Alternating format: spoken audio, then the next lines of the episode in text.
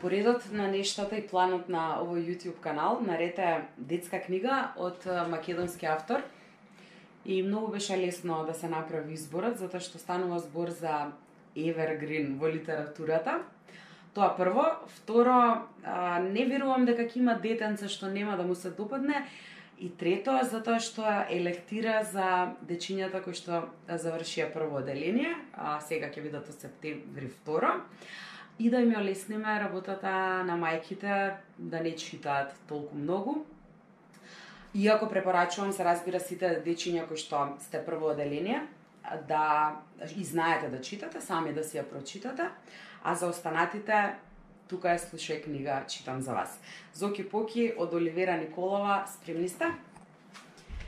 Кој е Зоки Поки и ако сакате да го запознаете, каде можете да го најдете? Зоки Поки не е разбойник, не е ни гусар, ни индијанец.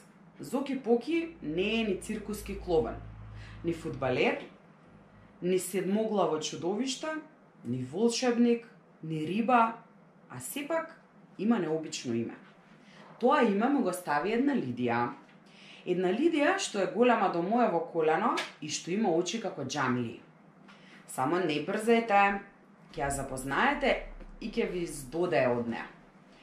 Па, кога Зоки Поки не е ништо од ова што рековме, тогаш што е?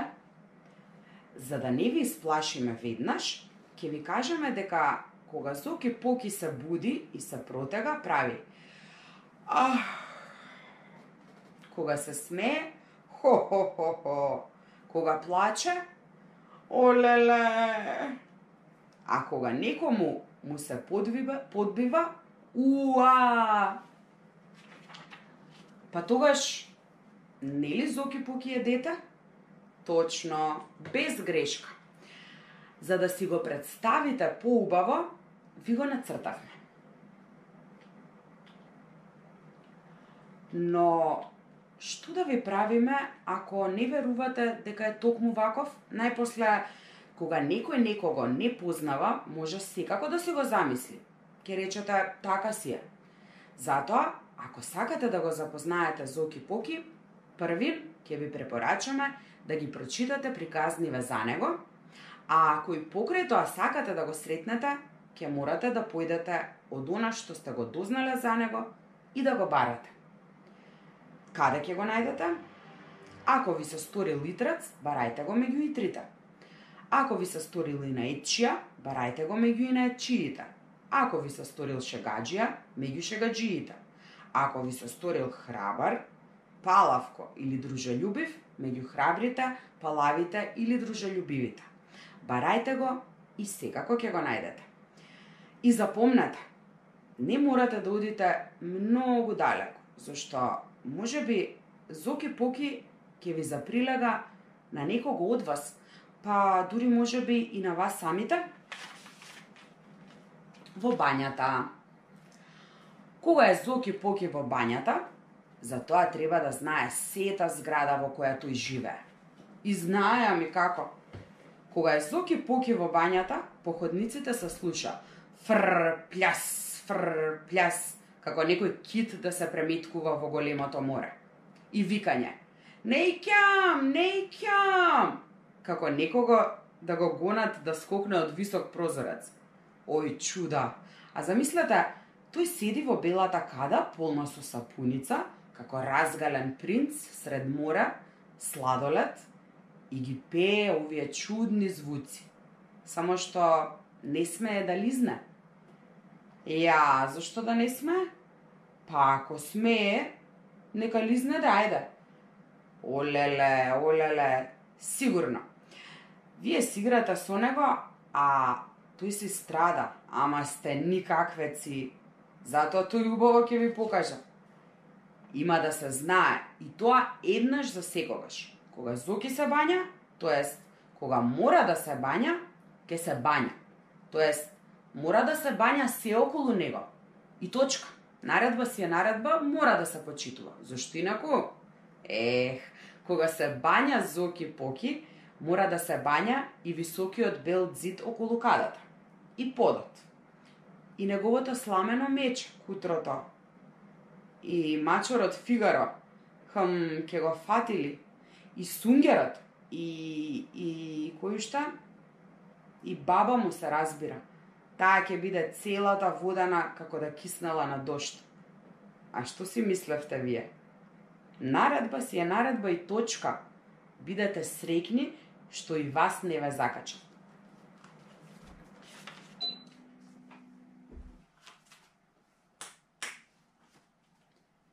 Нефатливиот Зоки Поки. Го бараат Зоки Поки во собата. Го нема. Го бараат Зоки Поки во спалната. Го нема. Го бараат Зоки во кујната и во шпајзот. Пак го нема. Го бараат Зоки по скалите, пред зградата, на балконот, на долниот кат во станот на неговата пријателка Лидија, а него го нема и го нема. Што ли стана со тоа дете? Сите викаат по Зоки Поки, а Зоки Поки од никаде не се јавува. Ах, какво дете! Но никој не го помислува она вистинското. Зашто, додека го бараат во кујната, Зоки се наоѓа во спалната. Кога тие ќе појдат во спалната, тоа е во шпајзот. Кога ќе надзирнат во шпајзот, тоа е на балконот. Кога ќе дојдат на балконот, тоа е кај Лидија. Кога ќе дојдат кај Лидија, тоа е веќе пред зградата. А кога ќе погледнат пред зградата, тоа е пак горе. А дека викаат по него и дека тој не им одговара, тоа се разбира само затоа што тој не ги слуша, без сомнение. Кој е виновен што никому не му текнува да помисли дека е Зоки Поки нефатливо дете? Како број Зоки Поки? Почна Зоки да учи да брои. Му покажаа кои се бројките до 10, тој ги повторуваше цел ден и сите помислија дека ги научи. Вечерта дојдаа гости и му донесоа на Зоки кеса карамели. А, рече бабата, не знаете вие, Зоки умее да брои до 10. Да видиме, извикаа гостите. Ако уме, тогаш нека ги изброи карамелите што му ги донесовме. О, тоа е најлесно, рече Зоки, веднаш. Една карамела, рече Зоки и оддели настрана една карамела. Две карамели, три карамели. Браво, браво, рекоа гостите. Три карамели, повтори Зоки, и таа што стана? Тој застана и не може да продолжи понатаму. Мајка му му помага. Че, че, четири, се сети храбро Зоки и бликна во радост. Четири, знаев јас, четири. Ајде понатаму, го насрчуваа гостите. Зоки пак застана. Пе, пе, одново го храбри мајка му, а тој зинал во неа за да ги погоди мислите. Пе, се праша, но одеднаш се сети. Пет, пет, пет, пет. Понатаму, понатаму, викаа нестрпливо гостите. Но Зоки Поки почна да ја врти карамелата во рацете, да се вртка, да ја гледа мајка си, па сепак не можеше да си спомне која бројка доаѓа по пет. И неочекувано, за сите тој си ја стави карамелата в уста. Ова не е за бројање, рече, не чини. Па и оваа не чини, рече Зоки и за следната карамела. Пих, какви карамели сте ми донела. Гостите го погледнаа и се насмевнаа. Зарем и другите карамели не се заброени и нечинат, го праша еден чичко. Чекајте првен да ги пробам. Не се збуни Зоки, а потоа ќе ви кажам дали се заброени. И една по една, Зоки почна да си ги става карамелите в уста. Најпосле, тој зачуден извика.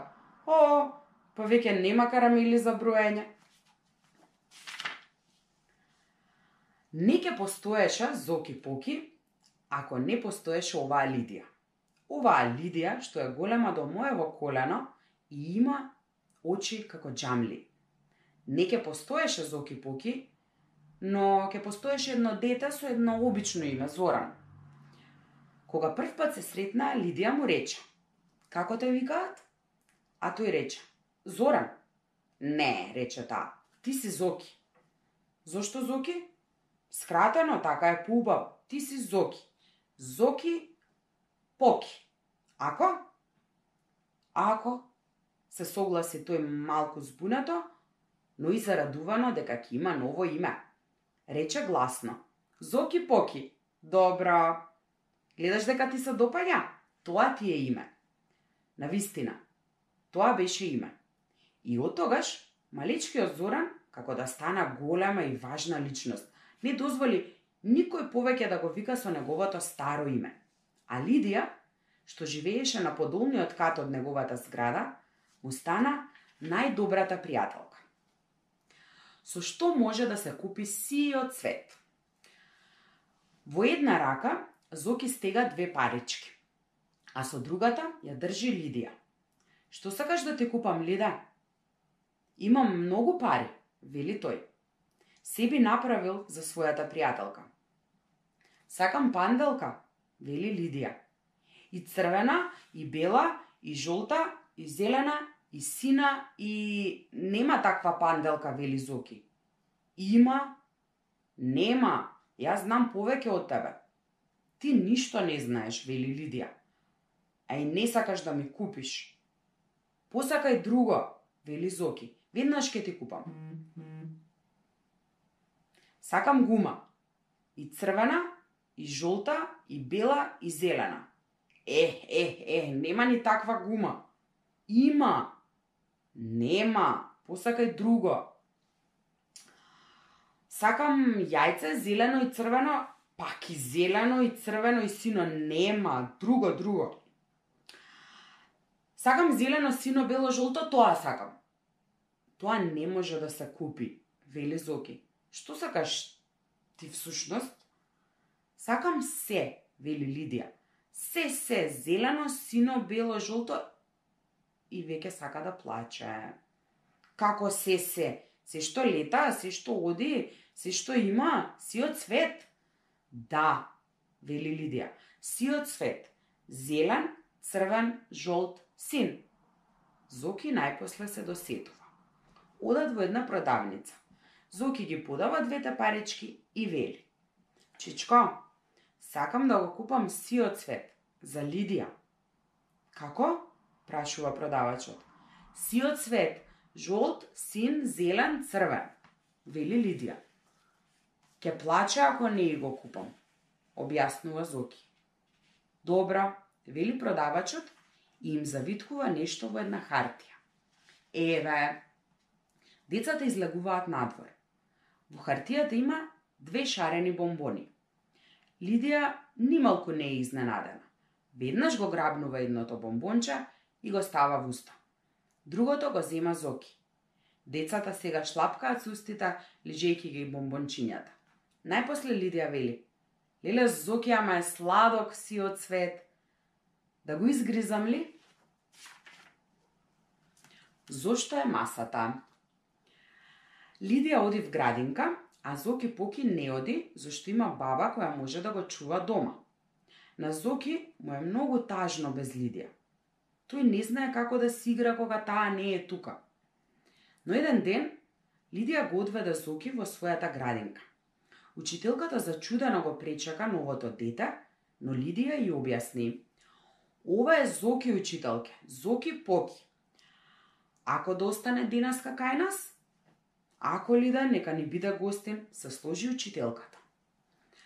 Но кога влегува во големата соба со многу столчиња и масички, и кога сите деца седнаа на своето столче, се виде дека за Зоки нема празно место. Ах, Зоки, Зоки, а каде да те ставиме сега тебе? рече учителката. Сите се разврткаа и најпосле го седнаа Зоки врз една масичка. Таму тој остана се дотогаш додека учителката не го заврши раскажувањето на убавата приказна што ја имаше подготвено денес за децата. Потоа сите излегоа надвор, па почнаа да пеат и да играат, а кога одново требаше да седнат, на своите малечки столчиња во собата, Зоки пак си седна врз својата масичка. Ова на Зоки многу му се допадна. Па кога попладнето дојдоа дома, уште него ни слече палтото, тој се подкачи на едно столче и чуп, седна врз масата. Зоки, што е тоа? вели баба му. Слези. Слези, вели Лидија. но Зоки не слегува. Ама Зоки, чули што ти реков? Повторува баба му поостро. Чув, вели Зоки, но не слегувам. Сакам и овде да е градинка. Овде има столови, вели Лидија. Слези Зоки поки. Не ќам, не ќам. Сакам да седам врз маса. Но Зуки, вели баба му, на масата се јаде, а врз стол се седи. А јас ке седам врз маса, а на стол ке јадам. Добро, вели баба му и замолчува, а кога Зуки посакува да јаде, чинијата со јадењето, таа му ја става на столот и си оди. Гледа Зуки, Лидија убаво си јаде, а тој мора да се наведнува од масата кон столот и не може ни залче да земе. Гладен е, не може да биде погладен, но и наетот не му дава да слезе од масата. И што да прави? Најлесно му е да заплаче. И Зоки почнува да плаче долго и обтегнато. Тогаш доаѓаат од работа татко му и мајка му. Што ти е, сине? Прашуваат загрижено и двајцата. Олеле! Плаче Зоки, сега уште погласно. Баба, не ми дава да слезам од масата, ме тера вака да јадам. Олеле, олеле. Заедно со Зоки Поки живее еден Фигаро.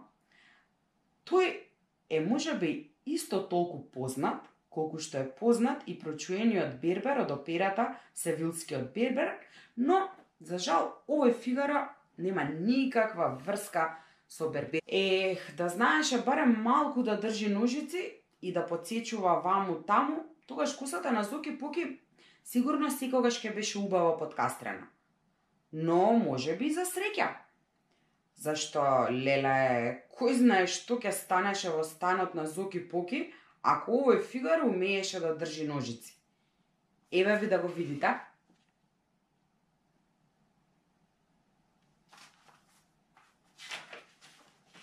Големата авантура на Фигаро.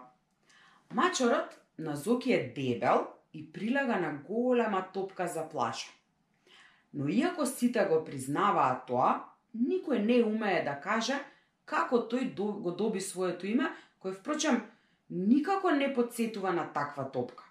Најпосле, зарем за еден мачор може името да биде толку важно? Тој е на вистина познат и славен, а на славните им требаат убави имиња, но Фигаро беше од оние што не обрнуваа внимание на тоа. Тој само знаеше дека сака да си игра, да си игра и да се задава. Да, рака на срце, многу сакаше да се задава. Например, многу сакаше да се обесува со ноктите на долгото и набрано здолниште на бабата. Или лулето на тато да го тркала под кревет иако тој поради тоа многу се лути. Или да скока врз убавиот чадор на мама. Што се чудите? Еднаш така и стана, скокајќи од креденецот врз, врз него, кога тој беше отворен да се исуши од дождот, Фигаро го расцепи свилениот чадор со своите ногти. Гледате ли? А пак што се прави со Зоки, тоа не може да се раскаже, умот ќе ви застане.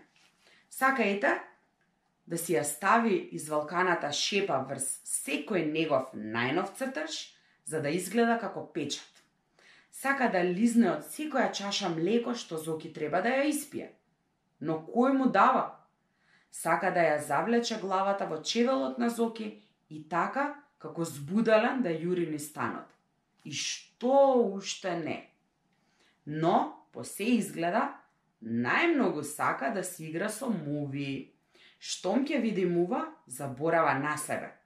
Скока по неа и врз креденецот и врз запалената печка, па дури за една мува може да се најде обесен на лустерот. Како го прави тоа? Никој не знае. Неговите скокови се вистинско чудо. Па, бидејќи сите зборуваат за него, го фалат, ги опишуваат неговите збеснувања, го караат и го клоцаат, викаат по него, па само се слуша неговото име, славата на Фигаро секој ден расте. Веќе секое дете од улицата знае за него. Но не може да се рече дека сите толку го сакаат колку што зборуваат за него. На славните им се восхитуваме, но дали ги сакаме? Друга работа е. А завчера по улицата се пренесоа гласови. Фигаро, пш, пш, кутриот Фигаро. Пш, пш, замислете, Фигаро. Некој го сожалуваше, некој му се подсмеваше, така ти е секогаш. А еве што се случи. Низ прозорецот во собата влегла една оса. Дзунеше гласно и предизвикуваше. Фигаро ги наостри ушите и фр по неа. Таа на прозорецот, тој врз завесата. Таа на таванот, тој врз креденецот. Таа на креветот, а тој под креветот. Потоа таа кај вратата, а тој над масата и ги исклештил забите. Одеднаш осата долета право пред неговите нозе, а збунетиот Фигаро, пап, ја поклопи со муцинката.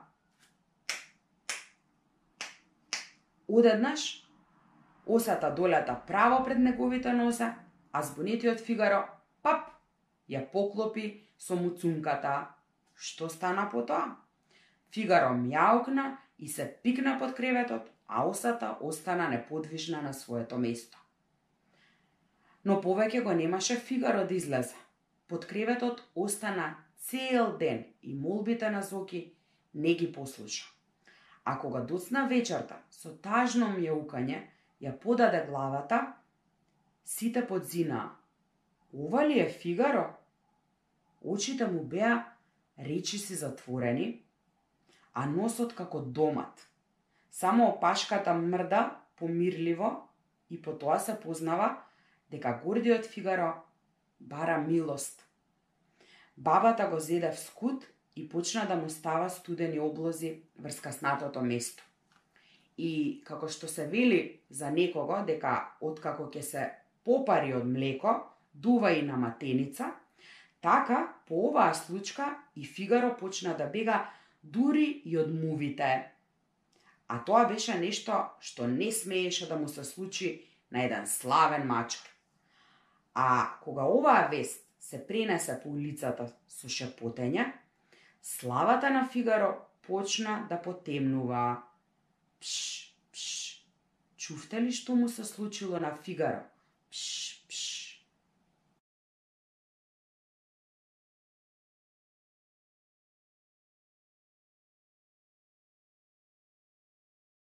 Здраво, другарчиња! Сигурна сум дека до сега а, тие што слушавте внимателно а, за Зоки Поки го пронајдовте во некој од вашите другарчиња или може би се препознавте самите себе си. Се сеќавате, Зоки Поки го имаше Фигаро, јас го имам Лаки, а вие какво миленичи имате? Пишете ми долу во коментар. И сега, нашата работа е се разбира да ги продолжиме приказките за Зоки Поки, Тоа е мојата работа всушност, а вашата е само да слушате внимателно и да уживате. На улица. Денеска Лидија и Зоки Поки нема што да прават. Одат тие двајцата околу својата зграда, а Зоки има во раката црно јагленче. Нацртај го Фигаро, вели Лидија. Зоки се завртува кон зидот и почнува да црта. Тој знае по нешто многу убаво да нацрта, а Фигаро особено убаво го црта. Нацртај му и коски, предлага Лидија. Нека се лаже Фигаро. Зоки нацртува и коска. Потоа тие пак шетаат околу зградата. Нацрта едно коковче, вели Лидија, и Зоки Поки пак црта. Нацртај му и пиланце. Така и коковчето и пиленцето остануваат на зидот, а Зоки и Лидија продолжуваат да шеткаат. Ајде сега нацртај тркалца, тркалца, многу тркалца. И Зоки пак се завртува кон зидот и со своето јагленче црта многу, многу тркалца. А сега нацртај еден стап голем, голем, голем, охо, до таму голем. Зоки го допира јагленчето до зидот и почнува да трча, а на зидот останува долга, предолга црна линија. Тоа е нацртаниот стап што го бара Лидија. Но, на крајот од зидот, Зоки веќе нема јагленче во рацата. Тоа се потроши. Одеднаш еве еден постар човек. Што е ова? ги прашува тој децата. Кое? се чуди Лидија. Ваша ли е оваа зграда? Наша, вели Зоки. Па и тој почнува да се чуди. Јас седам на четвртиот кат, а Лидија под нас. Добра вели човекот. Бива ли вашата зграда да ви изгледа вака грдо? Не е грда, вели Зоки. Ова се слики, како во градинката на Лидија. Ах, ах, направи човекот. Ова веднаш треба да го избришете. О, не може, се буни Зоки и мака го фаќа од работата што би се отворила. Може, може, со топла вода и со крпа. Но ние не можеме тоа да го направиме. Ние ние сме малечки, вели Зоки и се стуткува целиот за да се смали. Добро, тогаш ќе ви ги истргам ушите за да пораснете. Не, го запира Лидија. Јас секи избришам, чичко, ви ветувам сигурно. Е, ти си добра малачка, вели чичкото. А кога ќе го избришаш? Па се разбира, чичко, кога ќе пораснам. Не грижете се, нели ви дадов чесен збор? Кој бил кукавица? Денеска, поголемите деца од зградата на Зоки Поки се фалат кој од кого е похрабар. И Зоки е меѓу нив. Тој вели. И јас сум храбар. Но големите деца не му обрнуваат внимание.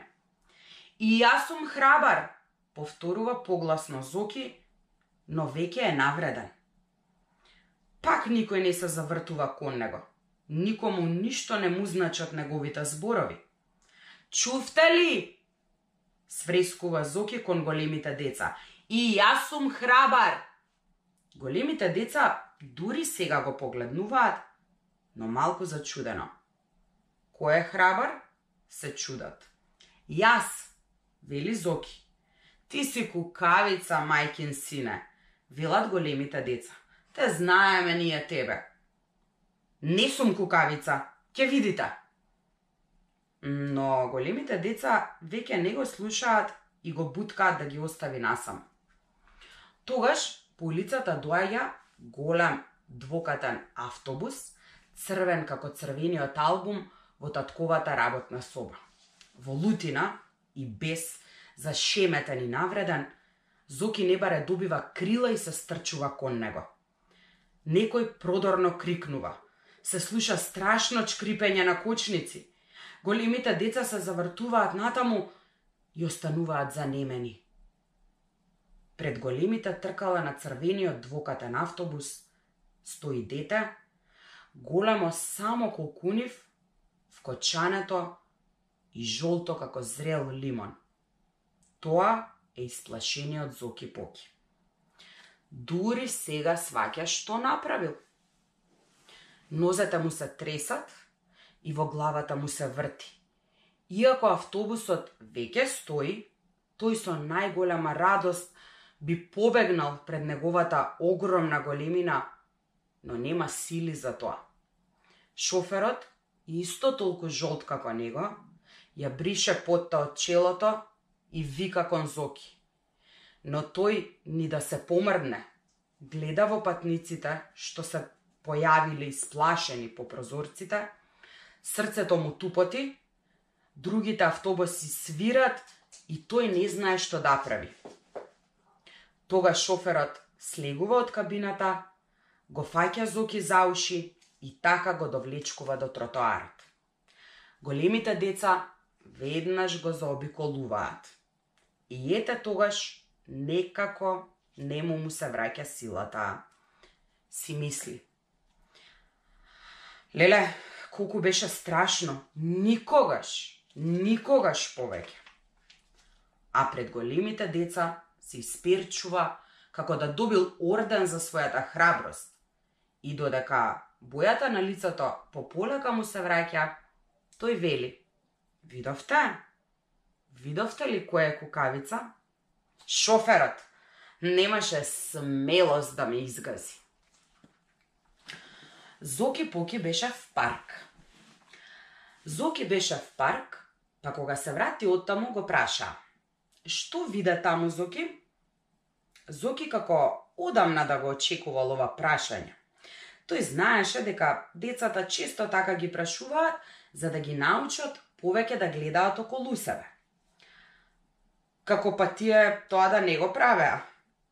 Но Зоки како Зоки беше подготвен на се, па за да им направи задоволство на постарите, почна да реди како ни стоп. Видов еден чичко, леле колку беше смешен, немаше друга работа, па со една жица ги буцкаше сите книжиња што ги испуштаа децата. Потоа си ги ставаше во една кошница за да си ги носи дома. Возрастните се насмеа, но сепак го потикнаа. А што виде друго? Една мајка и едно дете седеа на една долга штица што се нишкаше на игралиштето ли? Да, но каква лоша мајка.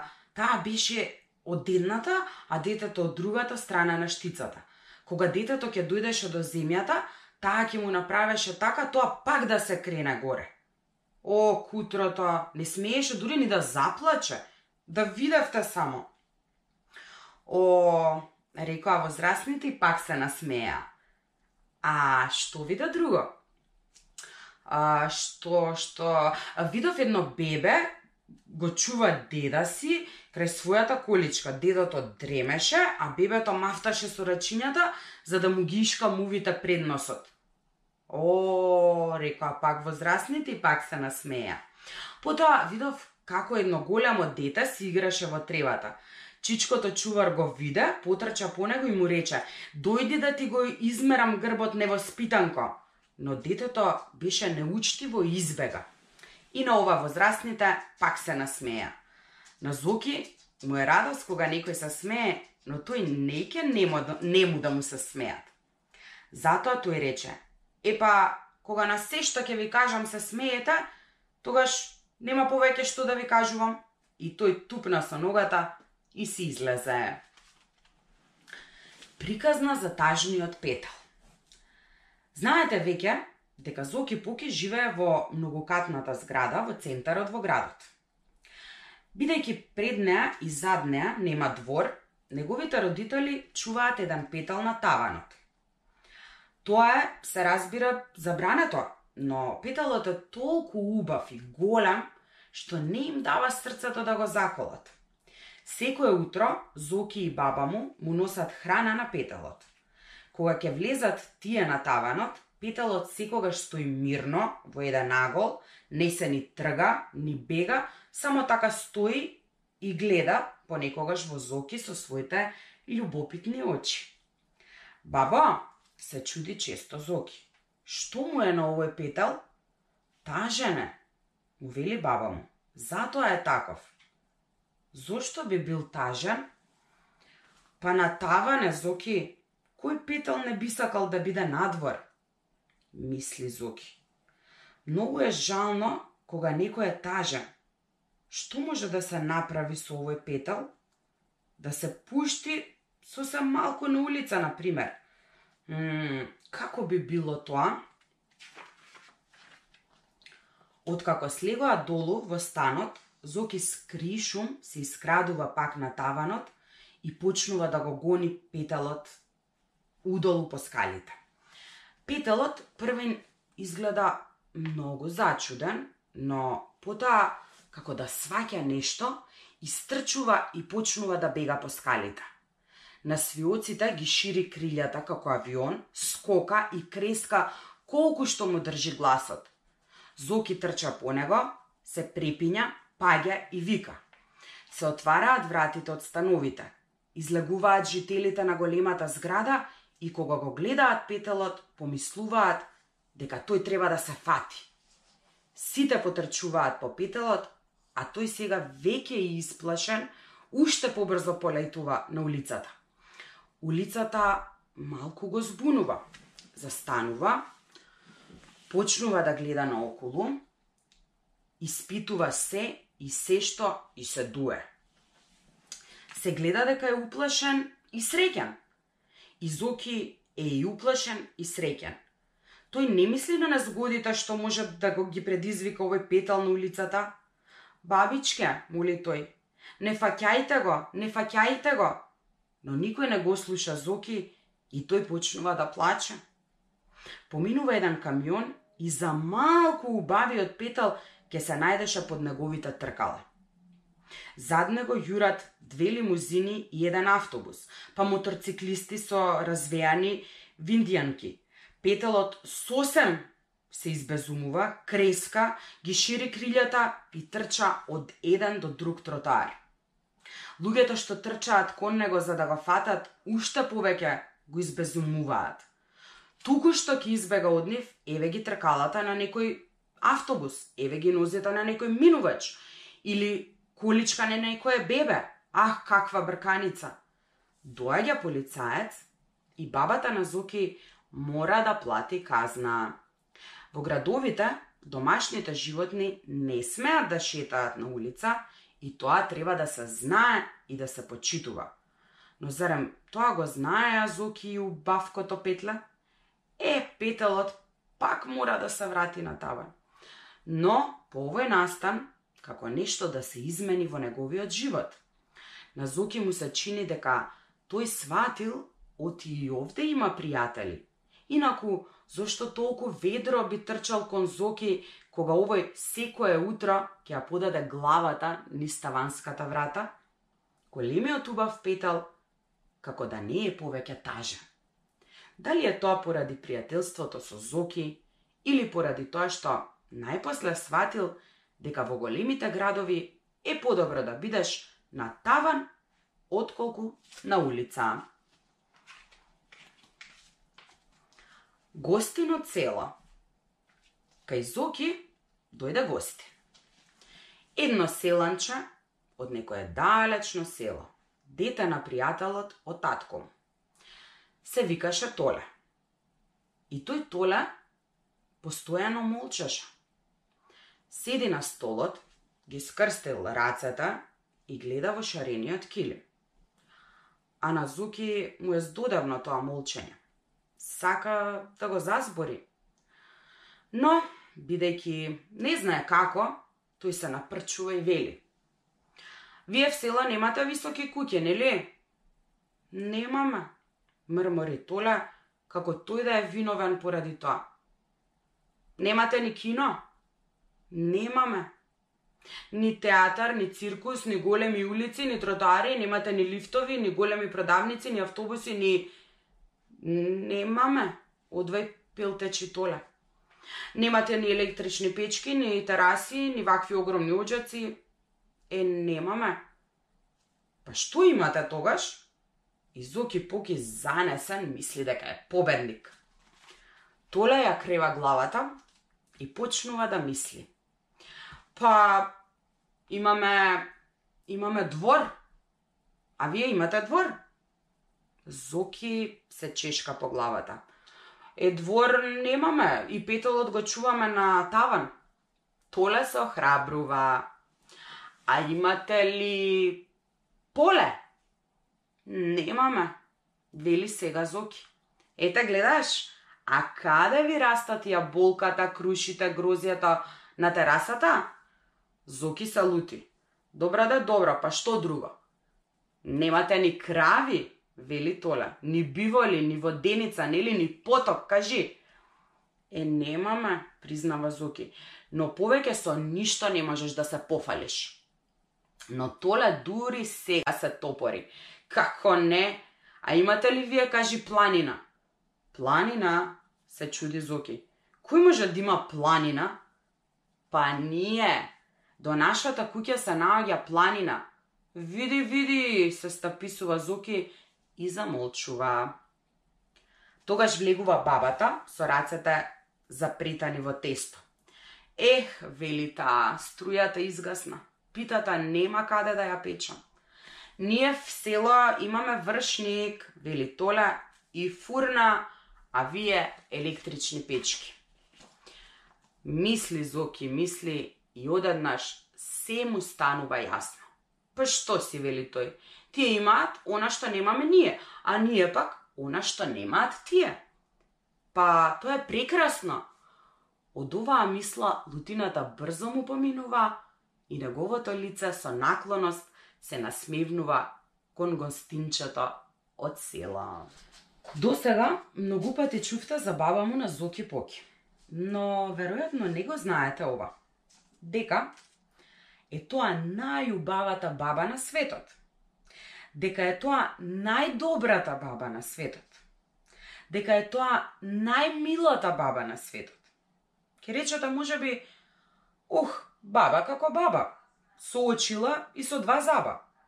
Ако и запомнете, за неа пред Зоки Поки ни еден лош збор.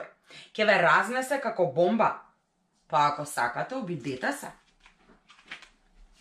Кога бабата се лути. Еднаш, баба му му се налути на Зоки. Веќе не знам зошто беше, но му рече, срам да ти е, Зоки, не зборувам повеќе со тебе.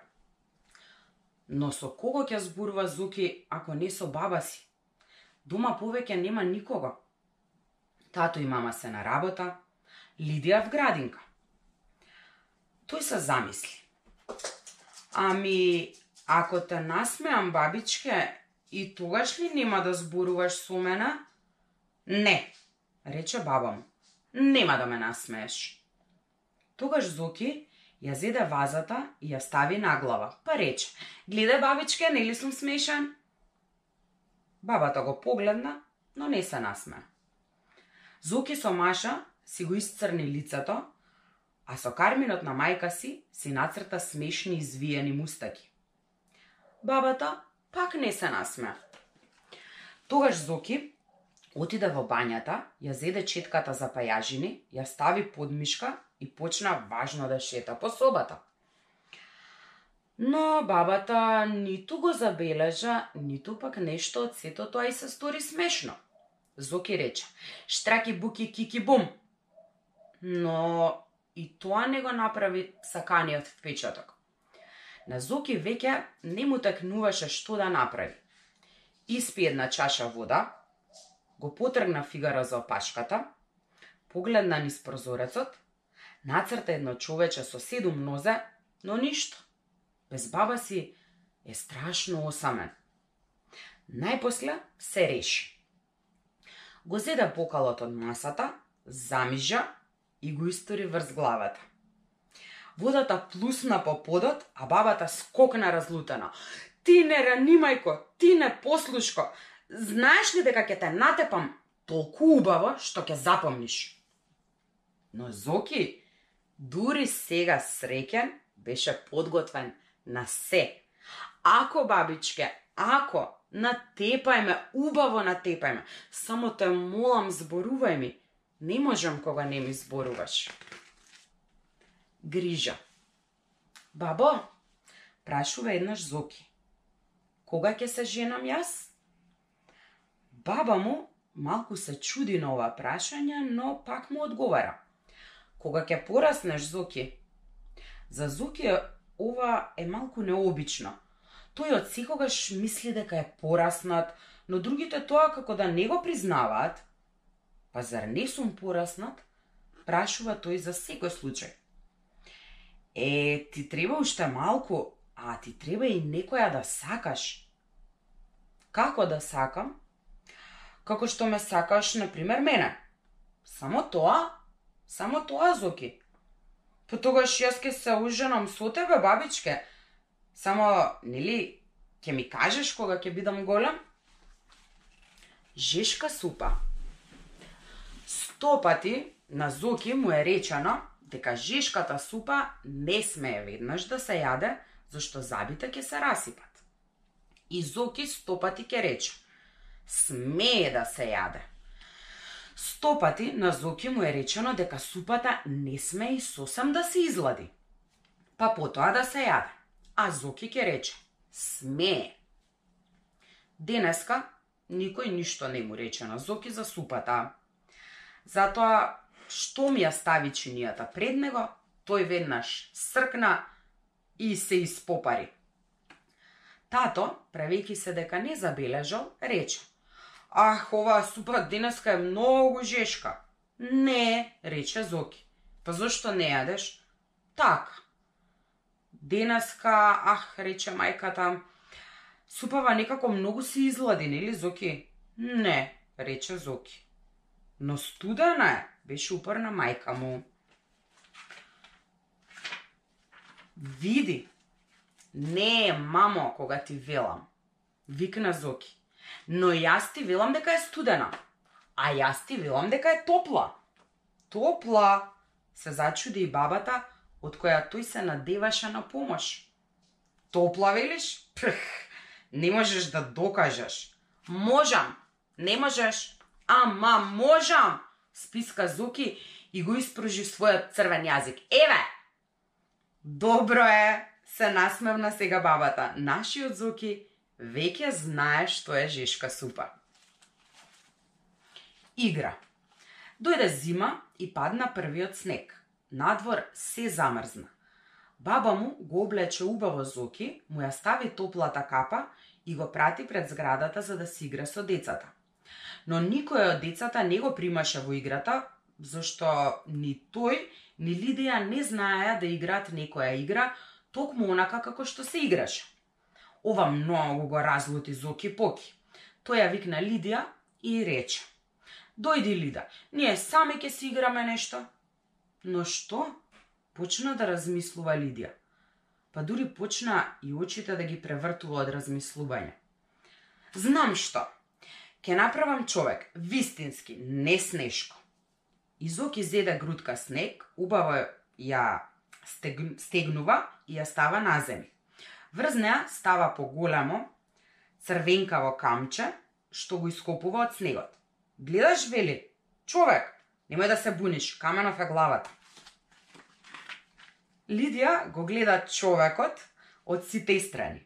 Аха, тоа е човек. Чекај, јас ќе направам. Што ќе направиш? Па човек? А, не може, јас направив човек. Ама, јас ќе направам, можам.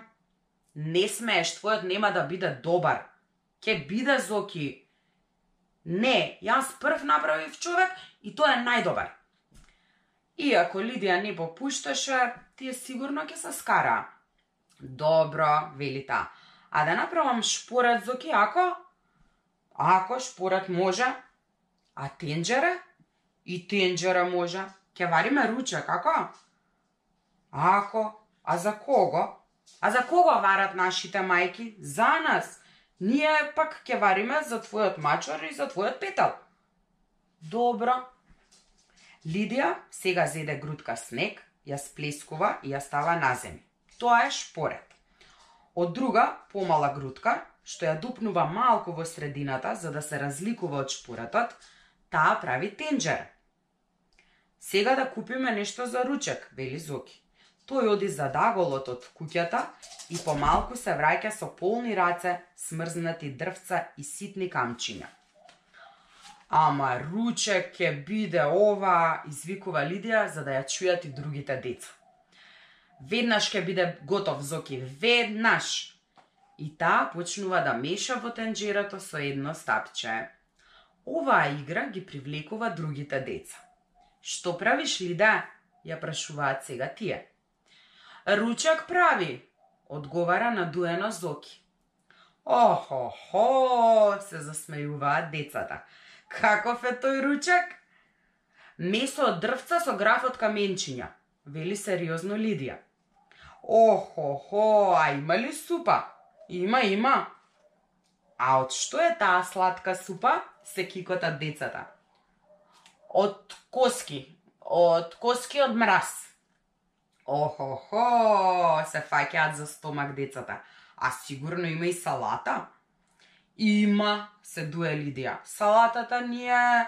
Салатата ни е од снег, нели Зоки? А колачињата, каде ви се колачињата? Охо-хо.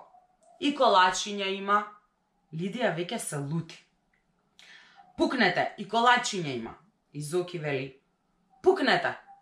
А од што се колачињата? Се уште ги задираат децата. От, от, почнува налутано Лидија, но не може да се сети. Сака да заплаче, но вели. Колачињата се од ништо. А Зоки намуртено додава. И за вас нема. Колачињата веќе ги изедовме. Зоки Поки има многу играчки. И моторен воз, и авион, и лимузини, и велосипеди, и трактор, и дигалка, и топки, и труби. Но најмила од сите играчки му е сламеното мече. Зошто сламеното мече може да го земе в постела, може да му зборува, може да му нацрта вештачки солзи и мустаки, може и да го натепа. Сламеното мече може да изгледа како живо, па затоа Зуки Пуки најмногу од сего сака. И мечето има грип. Зоки е болен од грип. Стариот чичко доктор рече дека ќе мора да остане в постела ако сака побрзо да оздрави. Но на Зоки му е многу здодевно в постела.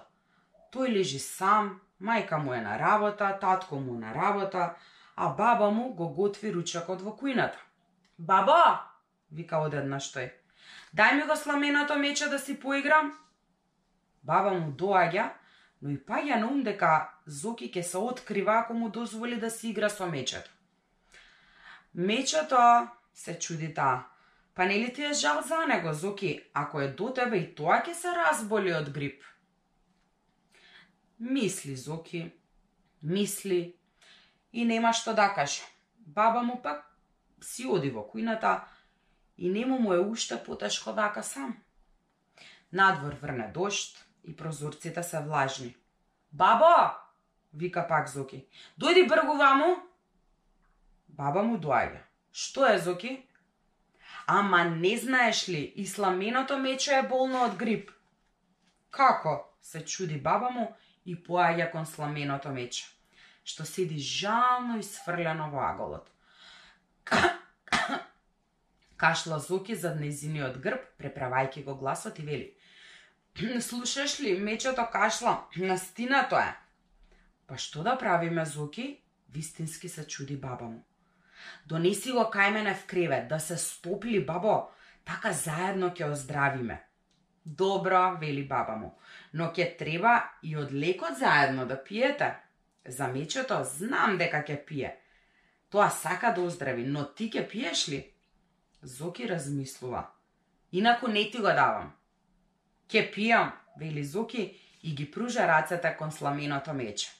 Баба му го става мечето во постела на Зоки. Но да знаеш, нема да се откривате. Зошто мечето тогаш повеќе ќе настине и јас ќе ти го земам. Така сега Зоки и неговото сламено мече лежат мирно во постелата, покриени дури до устата.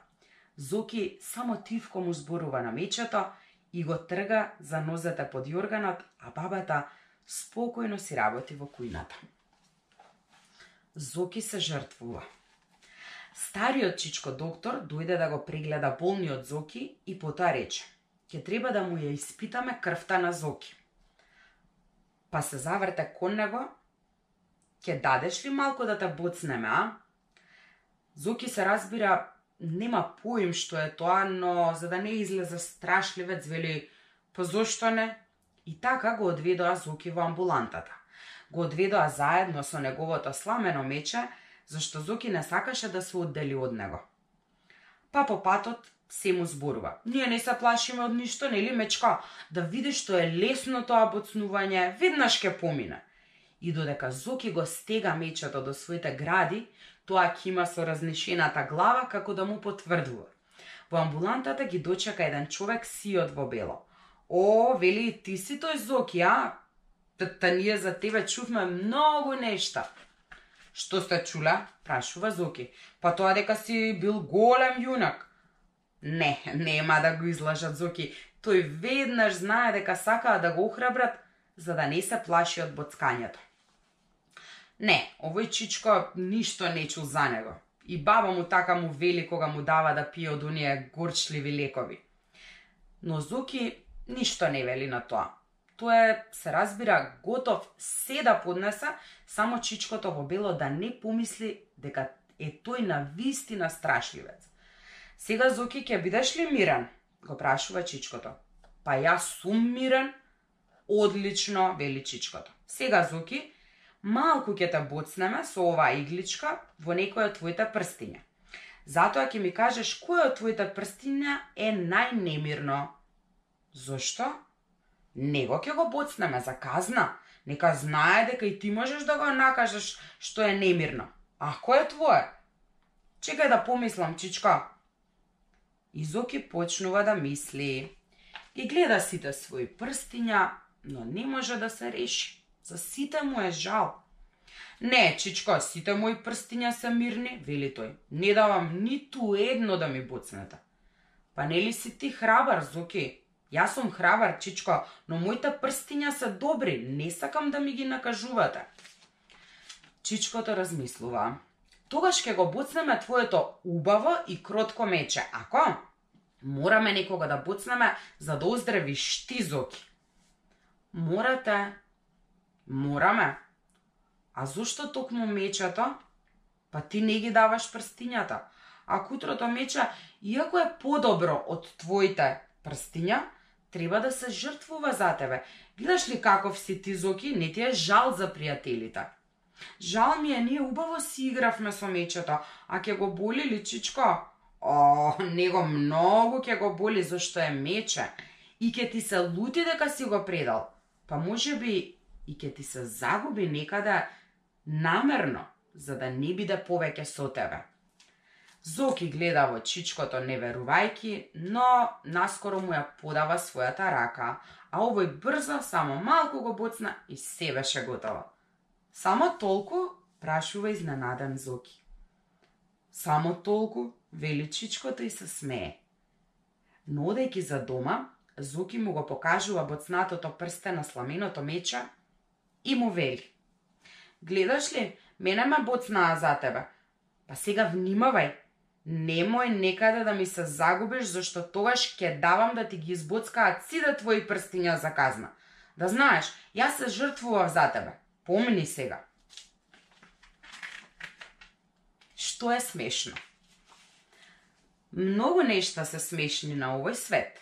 Да пукнеш од смеење. Додека надвор вее снег, Лидија и Зоки гледаат низ прозорецот.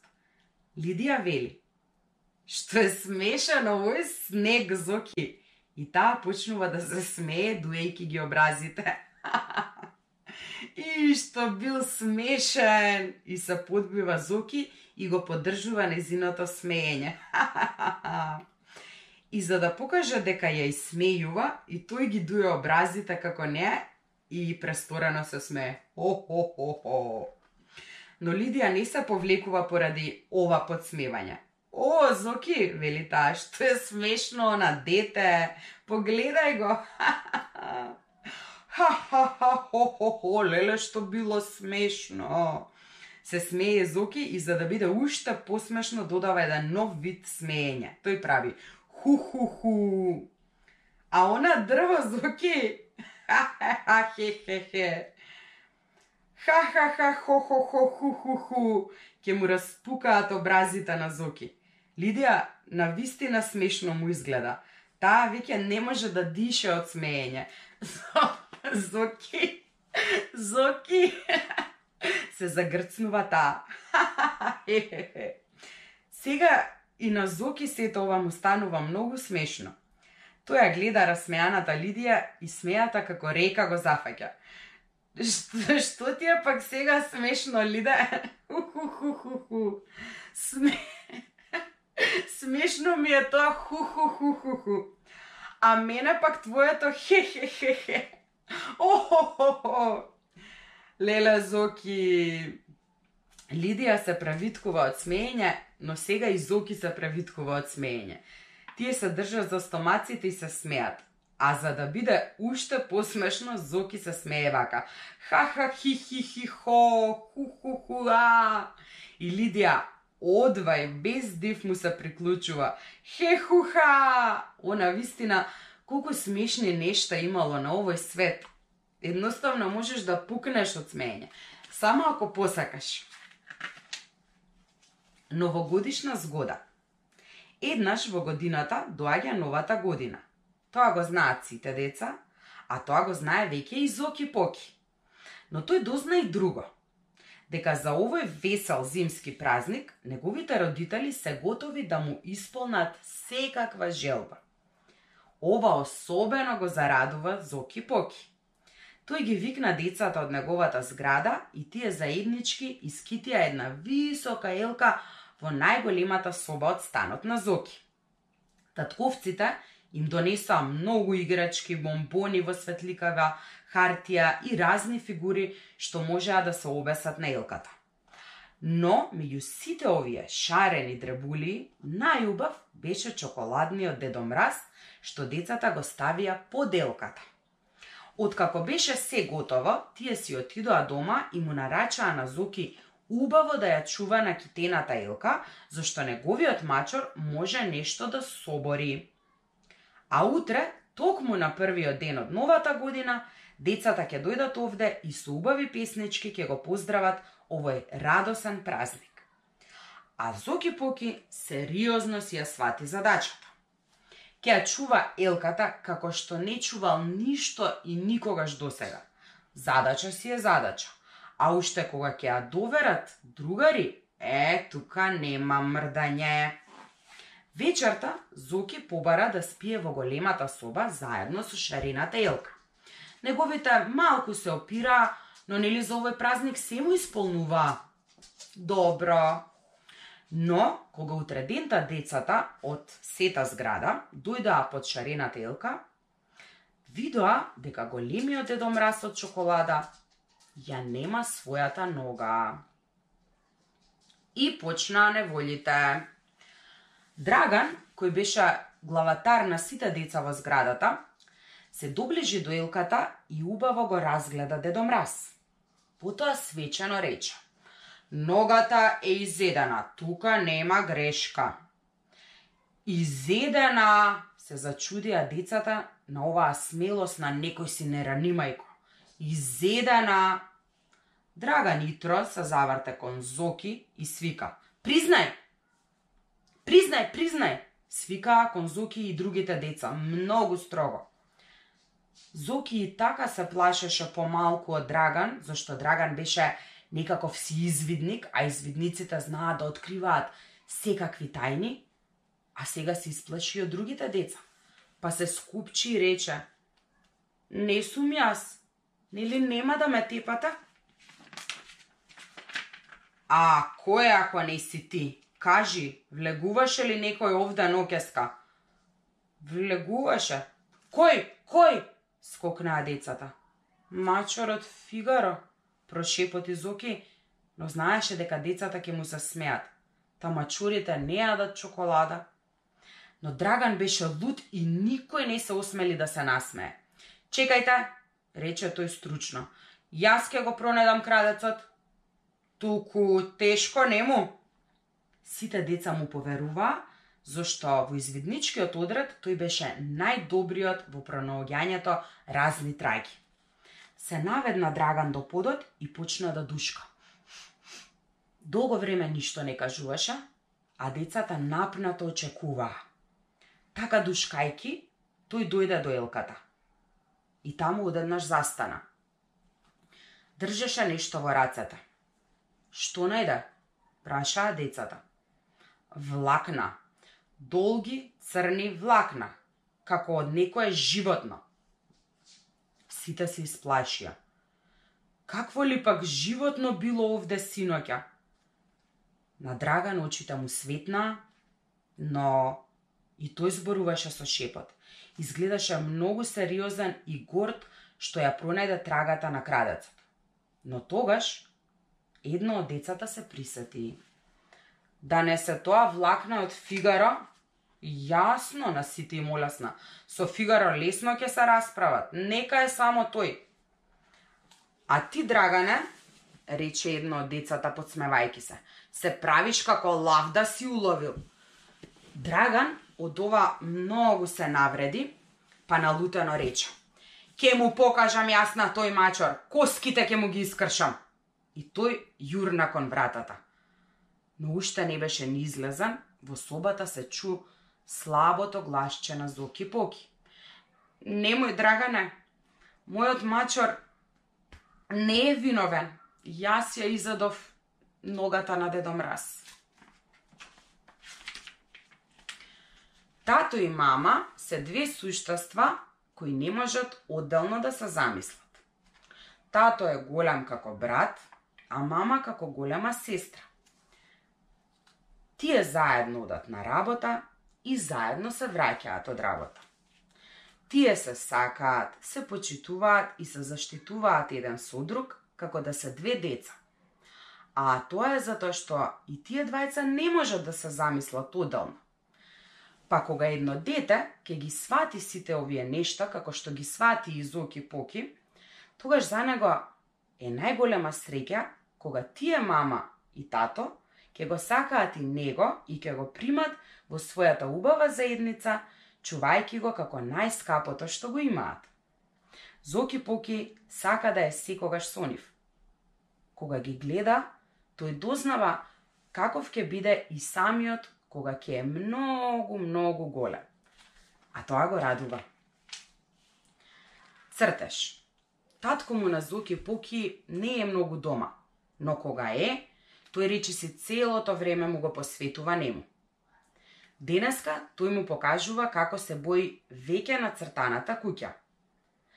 Тато ќе нацрта куќа и Зоки ќе нацрта куќа.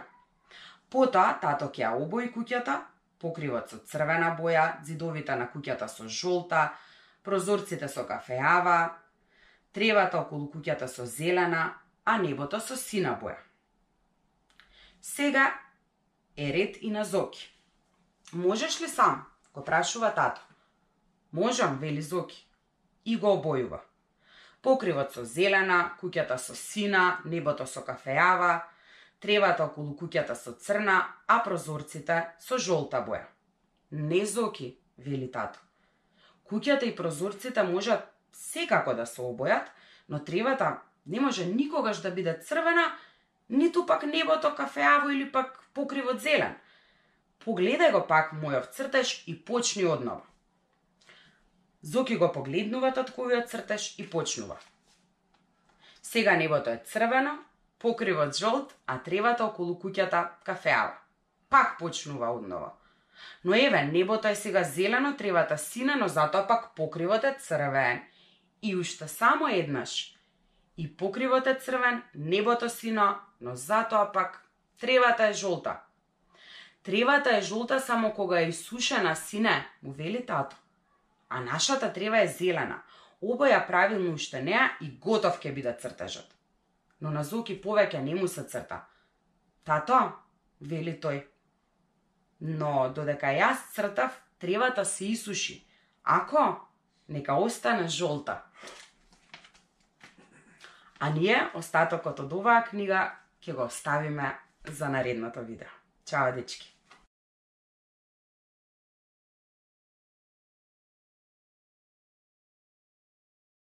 Денеска ја завршуваме дружбата со Зоки Поки а, и се слушаме во некој наредно читање, а ваша задача е само да уживате во остатокот од приказните за ова прекрасно дете. Во золушката градина. Мама го одведа Зоки во зоолошката градина, зашто тој веќе треба да научи како се викаат некои животни. Зоки, ова е штрк, му покажува мама. Штрк, повторува Зоки. Ова се вика жирафа. Жирафа, вели и Зоки, а во себе си шепоти. Штрк жирафа. Мечка Зоки, му покажува пак мајка му. Мечка, значи штрк жирафа мечка. А види, ова е слон, ти се допаѓа ли? Слон. Не знам дали ми се допаѓа, штрк жирафа мечка слон. А ова е лисица Зоки, вели мама и го прашува. Ке запомниш ли, сине? Лисица, вели Зоки. Веќе знам, а во себе шепоти како научена стихотворба. Штрк, жирафа, мечка, слон, лисица. Доста е за денес, вели мама.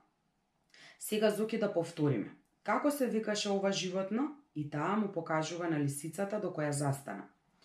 Зоки шепоти очаено во себе. Штрк, жирафа, мечка, слон, лисица. Но никако не може да ги почне имињата одназад. Тоа му е многу тешко. Затоа тој истрчува кај штркот и лесно почнува да реди. Штрк, жирафа, мечка, слон, лисица. Мама ја сваќа работата. Добро, Зоки, вели таа. Може би вака полесно ќе ги запомниш. Нели ти личи штрков на моево чадорче? Жолта рачка, како неговите нозе, а неговите бели крилја го прават чадорчето. Личи, вели Зоки. А жирафата пак ми личи на твојата шарена блуза. А мечката? Мечката, се чуди Зоки. Мечката нека биде твојата бунда, ако? Добро, Зоки, а слонот?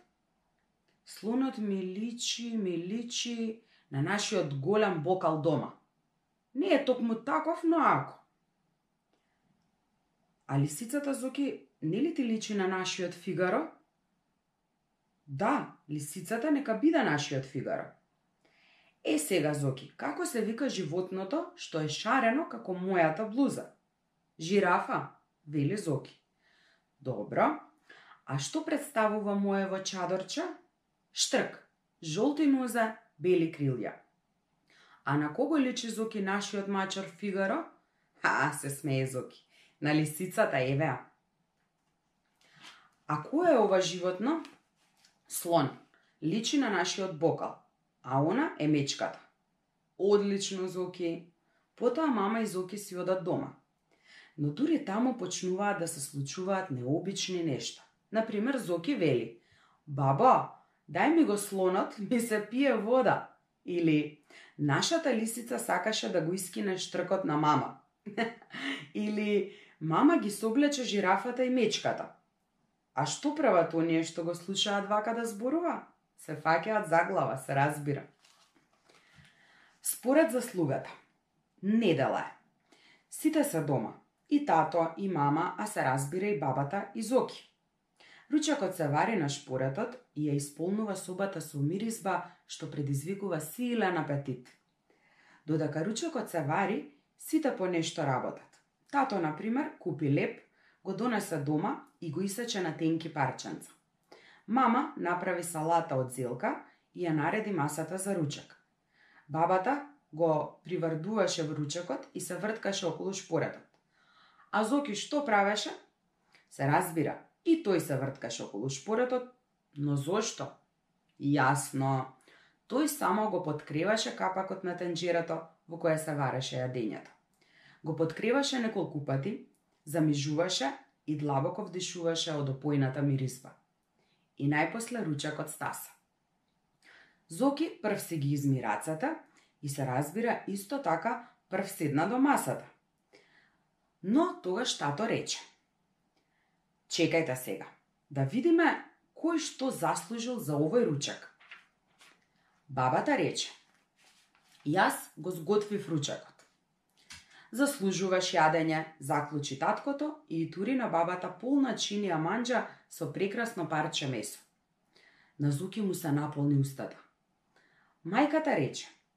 Јас го исчистив станот, ги измив садовите, направив салата и ја наместив масата. И ти заслужуваш јадење, рече таткото и не стави полна чинија манџа и едно исто така убаво парче месо. Зоки сега веќе мораше да се подголтнува. Јас пак, рече таткото, бев на пазар, купив се што требаше, донесов леп и го исаков. Заслужувам ли ручак? Заслужуваш, рекоа бабата и мајката, па таткото и себе се си ја наполни чинијата. А ти, Зоки, што направи? Се заврта по тоа таткото кон Зоки. Јас се зачуди Зоки. Зарем и јас треба нешто да направам? Треба, рекоа сите. Јас, јас, почна Зоки уплашено дека вака како што пошол ништо не ќе добие за од ненадеж се досети. Јас го кревав капакот на тенџерата. Капакот, рече таткото. Капакот. Хм, тогаш Зоки, еве ти го капакот за ручак. Зоки Денгуба Еднаш мама му се развика на Зоки. Каде си досега Денгуба една? Цел ден си надвор и ништо не сакаш да работиш. Зоки веднаш стана сериозен и рече. Како не сакам да работам? Па јас цело време само работев. Да знаеш колку сум уморен. Што? Рече мама. Сега ќе се приправаш дека ти се спие само за да не те карам, нели? Не, рече Зоки и гледаше во прстите од нозете. Па кажи што работеше, мамина, од мено, но Зоки не сакаше да одговори. Не е тој толку глупав да го каже тоа што за возрастните не е работа. А тој цело време, ах, како работеше, вам може да ви каже зашто вие ќе разберете. Еве. Прво, со голем напор чистеше цреши во својата уста. Второ, броеше колку пердовки има неговиот петал на таванот. Трето, сакаше да ја скрие својата сенка за да еднобуре пред зградата. Четврто, ја бркаше страшната колона мравки што се појави на скалите. Пето, размислуваше колку огромни лажици содржи супата што ќе мора да ја изеде на ручекот. Шесто, се мереше со јаже за да знае колку ќе порасне по една недела. Седмо, ги чистеше татковите джебови од заостанатите зрна леблебија. А зареме тоа малку? Зошто плача Зоки? Ке му рече мама на Зоки. Донеси сине вода во бокалот? А тој ќе одговори. Не ќам. Зошто сина, ќе го праша мама. Зарем не ме сакаш? Не, ќе рече Зоки. Не те сакам. Ке му рече мама на Зоки. Помогни и сина на баба. А тој ќе одговори. Не ќам. Зошто сина? Ќе го праша мама. Не те сакам. Ке му рече мама на Зоки. Појди, викни ја мајка и на Лидија сина. Сакам нешто да ја покажам. А тој ќе одговори. Не ќам. Зошто, сина? Ке го праша мама. Така, не те сакам. Ке му рече мама на Зоки.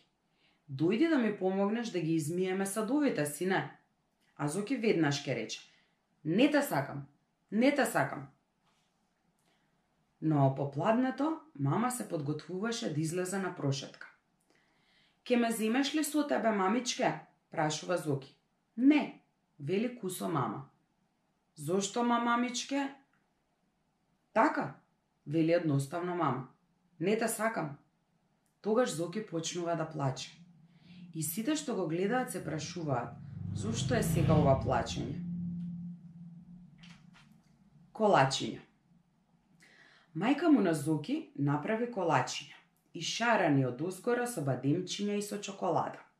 Штом ке ги видеше, на Зоки нешто скокотливо ке му заиграше во стомакот. Мамо, постојано молеше тој, да земам ли уште едно, само уште едно сосем малечко колаче.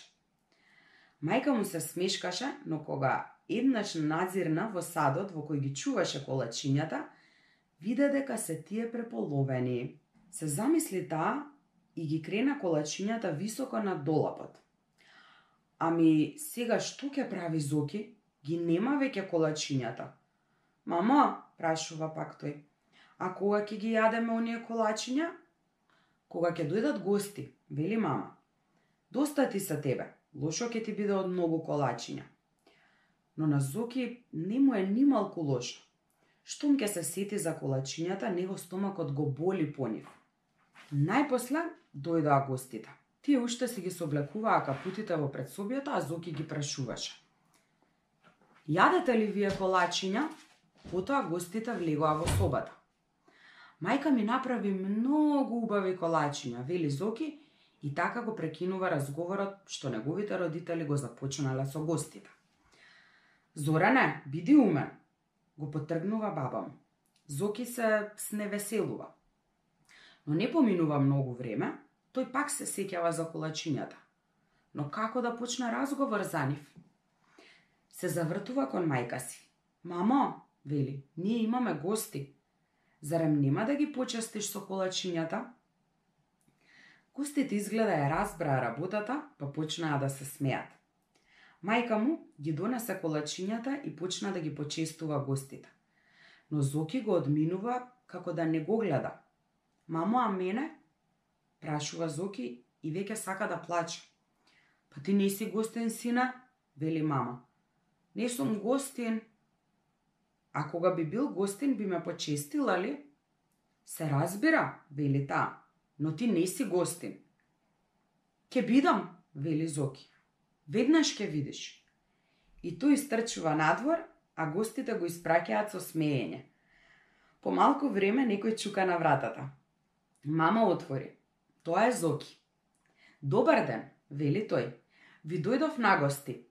Ке ме почистите ли со колачиња? Мајка му веќе нема што да прави, па го седнува заедно со другите гости и го почестува. Зоран зема едно колаче, но уште тоа не го изел, мисли веќе на друго и ја подава раката кон подавалникот. Е, Зоки, сине, вели мајка му, почекај малку, па така не прават гостите. Но Зоки покили нема да се досети и тој сега вели. Па јас не сум гостин, мамичка, јас сум твојот Зоран. Балон. Балоните се убава работа, особено кога ќе се добијат на подарок. Тоа го научи и Зоки Поки за својот роден ден. На негово име поштарот донесе едно пакетче. Мајка му го отвори пакетчето и од него испадна еден балон. Балонов ти го испраќа тетка ти и ти го честита роденденот, рече баба му, читајќи го писмото. Многу се зарадува Зоки го наду балонот, му ја врза грлучката со конче и го пушти по собата. Балонот е лесен како пердувка и штом Зоки само малку ќе дувне со устата, тој се извишува уште повисоко, се до таванот. А пак, кога ќе му ја одврзе грлушката? ех, што станува тогаш? Воздухот шишти или шишти, како пишталка. И како сега да не ги сакаш балоните? Цело попладне Зоки Поки пречекува гости. Мајка му и баба му ги честат, татко му разговара со нив, а Зоки ги пребројува подароците. Што ти не доби? Не може ни да се изброи, ни да се опише. Најпосле, тоа и не е толку важно. Зашто, сепак, за Зоки најубав подарок остана големиот жолт балон од тетка му. Вечерта дојде и стрико му на Зоки.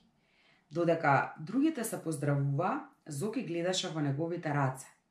Но тие беа празни. Еј, каква жалост! Што му стана на овој стрико, па ништо да не му купи? И за да му покаже дека заборавил да му купи подарок, Зоки рече. Виде, стрико, тетка ми го испрати овој жолт балон дури преку пошта. О, рече стрикото, и изгледаше како малку да се сневесели. Јас пак мислев дека немаш балон. Знам и да го надујам, рече Зоки, види? И Зоки трчаше по собата, го дуваше балонот, па го испушташе воздухот и пак ја врзуваше грлушката толку занесено, само за да му покаже на стрико си дека ете, тој и без неговиот подарок убаво си поминува и дека Нималку не му е криво што ништо не му дона. Ако, нека види. Но во еден миг нешто направи пак и балонот го снема. Зоки остана со зината уста. А кога се созаде, почна да пишти. Балонот, балонот, мојот балон си го сакав. И готов е и по подот да се валка од жал и несреќа. Сите се собраа околу него за да го утешат. Но на Зоки ниеден збор нема значење. Тој си го сака жолтиот балон и ништо повеќе. Но стрико му тогаш го подигна од подот, му ги избриша солзите и насмевнато му рече. Ајде, Зоки Поки, доста со плачење. Погледај нешто вамо.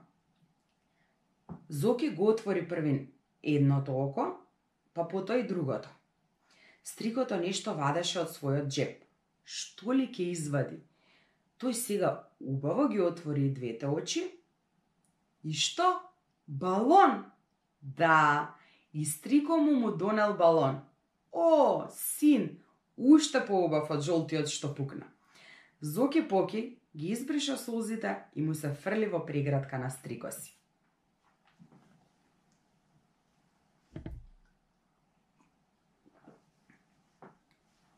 Големото патување Не знаете вие колку Зоки Поки сака да патува.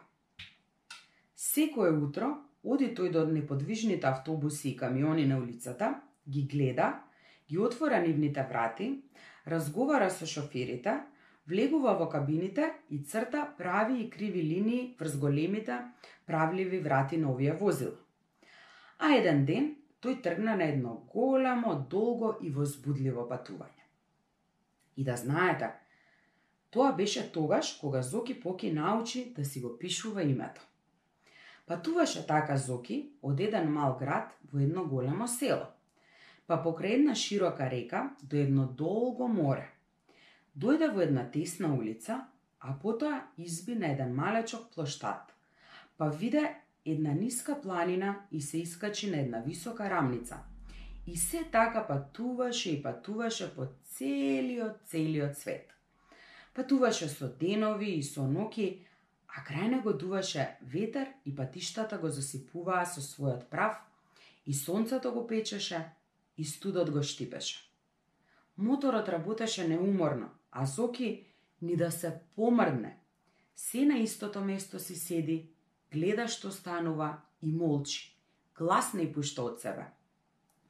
Така тој ја пропатува едната половина од овој широк свет. Доволно му е кога е дете. И токму сакаше да појде понатаму, туку шоферот го запре камионот, ја тресна вратата од кабината, го донесе дебелото црево и почна да го мее извалканиот камион. А тоа беше страшното, затоа што токму поради тоа мораше да престане ова долго, најдолго и возбудливо, највозбудливо патување. Не чудета се многу и не жалете го бестрашниот Зоки Поки. Зашто, што е најчудно, и тој самиот не знае за ова голямо патување. Додека тој си седи дома, тоа наместо него патуваше неговото име што го напиша врз правливата врата на големиот камион. Волшебната цреша. Еден убав ден, Зоки, мама, тато и баба појдоа со автобус на крајот од градот за да посетат еден свој пријател. Кога ги виде, тој многу се израдува и ги покани во својата убава куќа, што беше само на еден кат, зашто луѓето ваму не живееа во големокатници како во центарот. Но сите одбија да влезат внатре, зашто во градината околу куќата беше толку убаво и свежо, што никому не му се влагуваше во затворена соба. На Зоки се му се допадна. Тој почна да трча по градината и за чудо никој не свика по него, како кога сакаше да трча по улицата. Тој почна да вика гласно, да мафта со рацете, да се загледува во секоја тревка и пак никој не свика по него, ниту пак се обида да му објасни дека и тоа не смее да се прави чудно место. Па тоа беше доволно Зоки да биде среќен. Но не остана се на тоа. Пријателот го фати за рака и тие двајцата отидоа зад куќата. Таму имаше многу овошни дрвја. Срешите беа сосем зрели и црвени, висеа на дрвјата. Знам, ова се цреши, нели? рече Соки, а прв пат виде како растат цреши. Пријателот го подигна на раце и тие заедно почнаа да берат цреши во една чинија.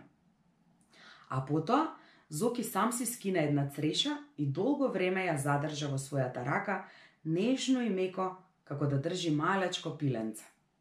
Му беше жал да ја изеде. Ја гледаше, ја гледаше низ расширените прсти и може би токму затоа што така долго и внимателно ја гледаше и ја испитуваше, таа му помогна да открие многу работи. Првин откри дека е тоа една убава црвена цреша и дека незиното тело е многу нежно и мазно. Ја испита и незината долга зелена рачка, што прилегаше на рачка од чадор. И како прв пат да дознава, пред сите рече, Мамо, ова е цреша, тато, ова е цреша, бабо, ова е цреша. И знаеше дека тоа што го откри, сега нема никогаш да го заборави. Потоа почна играта. Ја стави црешата до уста, ја свитка незината долга рачка и о, чудо! Таа му заприлега на мала стомна. Викна. Мамо, ова е стомна! Тато, ова е стомна! Бабо, ова е стомна! А потоа, црешата повеќе не беше стомна. Зоки го стави незиното главче в устата, а рачката ја задржа надвор. И таа стана свирче. Па тој потрча во дворот свирејки фи фи фи фи. Кога ја скина долгата рачка, црешата стана тркалезна црвена джамлија, поубава од сите што ги беше видел до тогаш. Бабо, тато, мамо, повика тој, ова е джамлија, најубава джамлија. И, и самиот беше зачуден колку нешто откри со помошта на една цреша.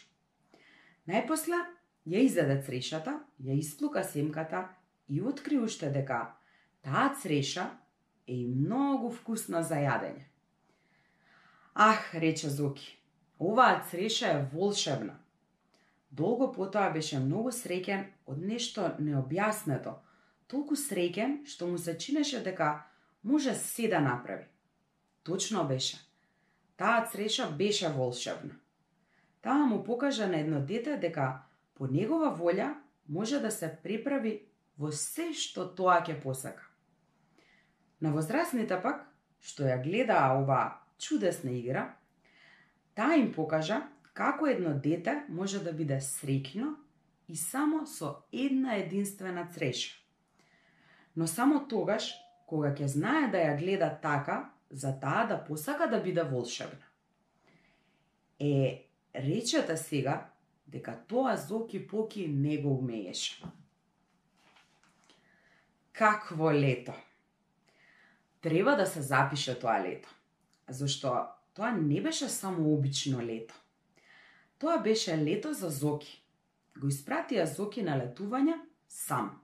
Не ке верувате? Зошто не? Го испратија заедно со другите деца од улицата во една голема група што одеше на летување на езеро. Се разбира, со нив одеа и неколку раководители, но Зоки не се грижеше многу за нив. Нека се грижат тие за него. А ако му е нешто тешко, е, ќе најде тој итрец начин да ги надмудри. Со родителите и баба му, што постојано го бакнува, се збогува како во сон. Мислеше на езерото, на капењето без сапуница, а најмногу мислеше на тоа дека ќе прави се што ќе посака. И на вистина излезе нешто слично, но не наполно онака како што се замислуваше Зоки Поки. Например, можеше да се капе, но само по присуство на раководителот.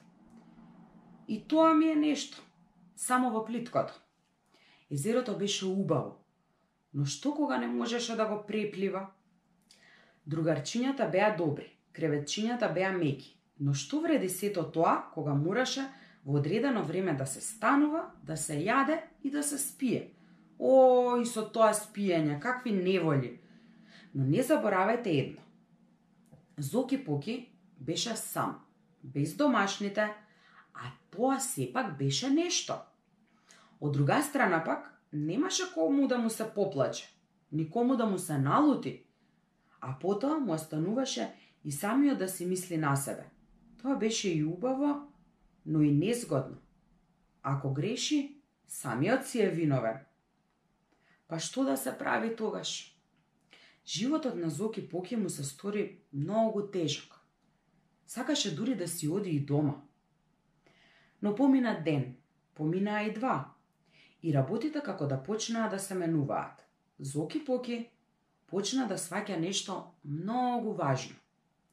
Ете, на пример, си помисли.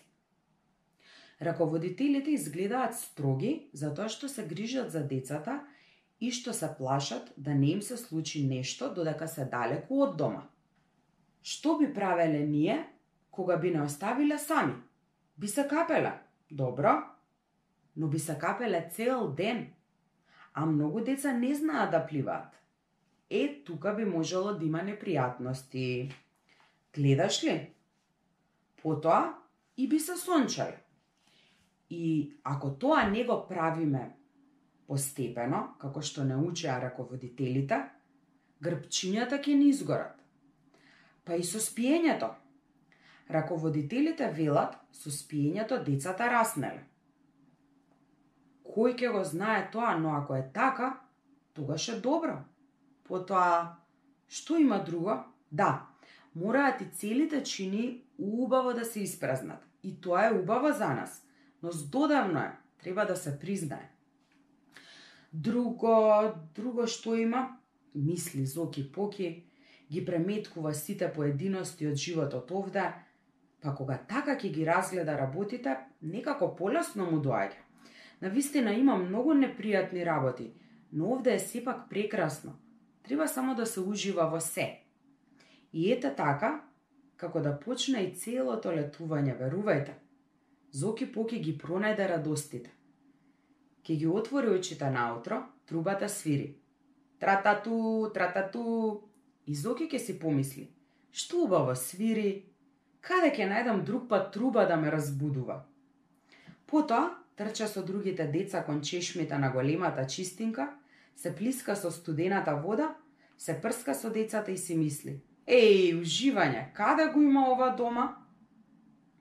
На појадокот се надпреварува со другарчињата ги брише чиниите, раководителот го пофалува. На плажата влегува во вода, заедно со другите деца, и раководителот го учи да плива. И навечер заспива како претепан, зашто, мајко моја, цел еден ден поминал во надпревари. Кој може да издржи без пиење? Сонот е убав и мислата за утрешниот ден е убава. Надвор шумолат брановите, стружат штурците, се нишкаат дрвјата под месечината. И свикнат веќе да се радува на се што е ново и што го немал дома, Зоки Поки си мисли. Каде ќе го најдам ова? Ах, какво лето! Се разбира, и тоа какво лето! Необично и неповторливо, со многу малечки и големи тајни. Треба само да посакаш. Па, да ги откриеш. Се станува јасно кога ќе се заборави ова, дека тоа лето беше лето за Зоки. Тука барем нема двумење. Откритие Зоки Поки се врати од летување. Додека стигна дома, тој трчаше по улицата, трчаше по скалите и така трчајки се втурна и во собите. Ги фрли своите работи, застана за миг малку вчудовиден, потоа пак истрча надвор и слезе дури пред зградата. Тука застана и од тука како да почна да се созема. Беше пладне и улицата мируваше во жештината, па Зоки брзо ја виде Лидија која што се враќаше од градинка. Иако мајка ја држеше за рака, таа и се истргна и потрча кон Зоки. Но наеднаш, токму пред него, нешто како да ја запре и таа рече. О, Зо, Зорене! А Зоки беше зачуден. Од кога тој престана да биде за Лидија Зоки Поки? Зошто ме викаш така? Праша тој, збунувајќи се уште повеќе. Но наместо одговор, Лидија рече, а, си дојде ли зо Зоране? Си дојдов, рече Зоки, се уште не верувајќи си на ушите. Ке си играме ли после? Лидија го гледаше зарадувано. Но Зоки Пуки забележа нешто многу повеќе од тоа. Тој свати дека таа во него гледа нешто повеќе од што бил порано и дека поради тоа се смета недостојна да си игра со него. Што е тоа си мислеше Зоки? Што е тоа што ме прави поинаков? Трчајки се врати горе во станот и кога ги погледа татко си, мајка си и баба си, го забележа истото она што го откри и во очите на Лидија. Тие го гледаа восхитено од промената што се случила врз него. Лидија ме вика Зоран, рече и се насмеа. А веднаш потоа праша. Зошто ме гледате така? Си се изменил, Зоране, рече тато. Си пораснал, сине, рече мама. О, колку си пораснал, Зоки, мој златен, рече и баба. Зоки почна да трча по собите и кога сето она што го чу, го среди во својата глава, застана. Да, се му беше јасно.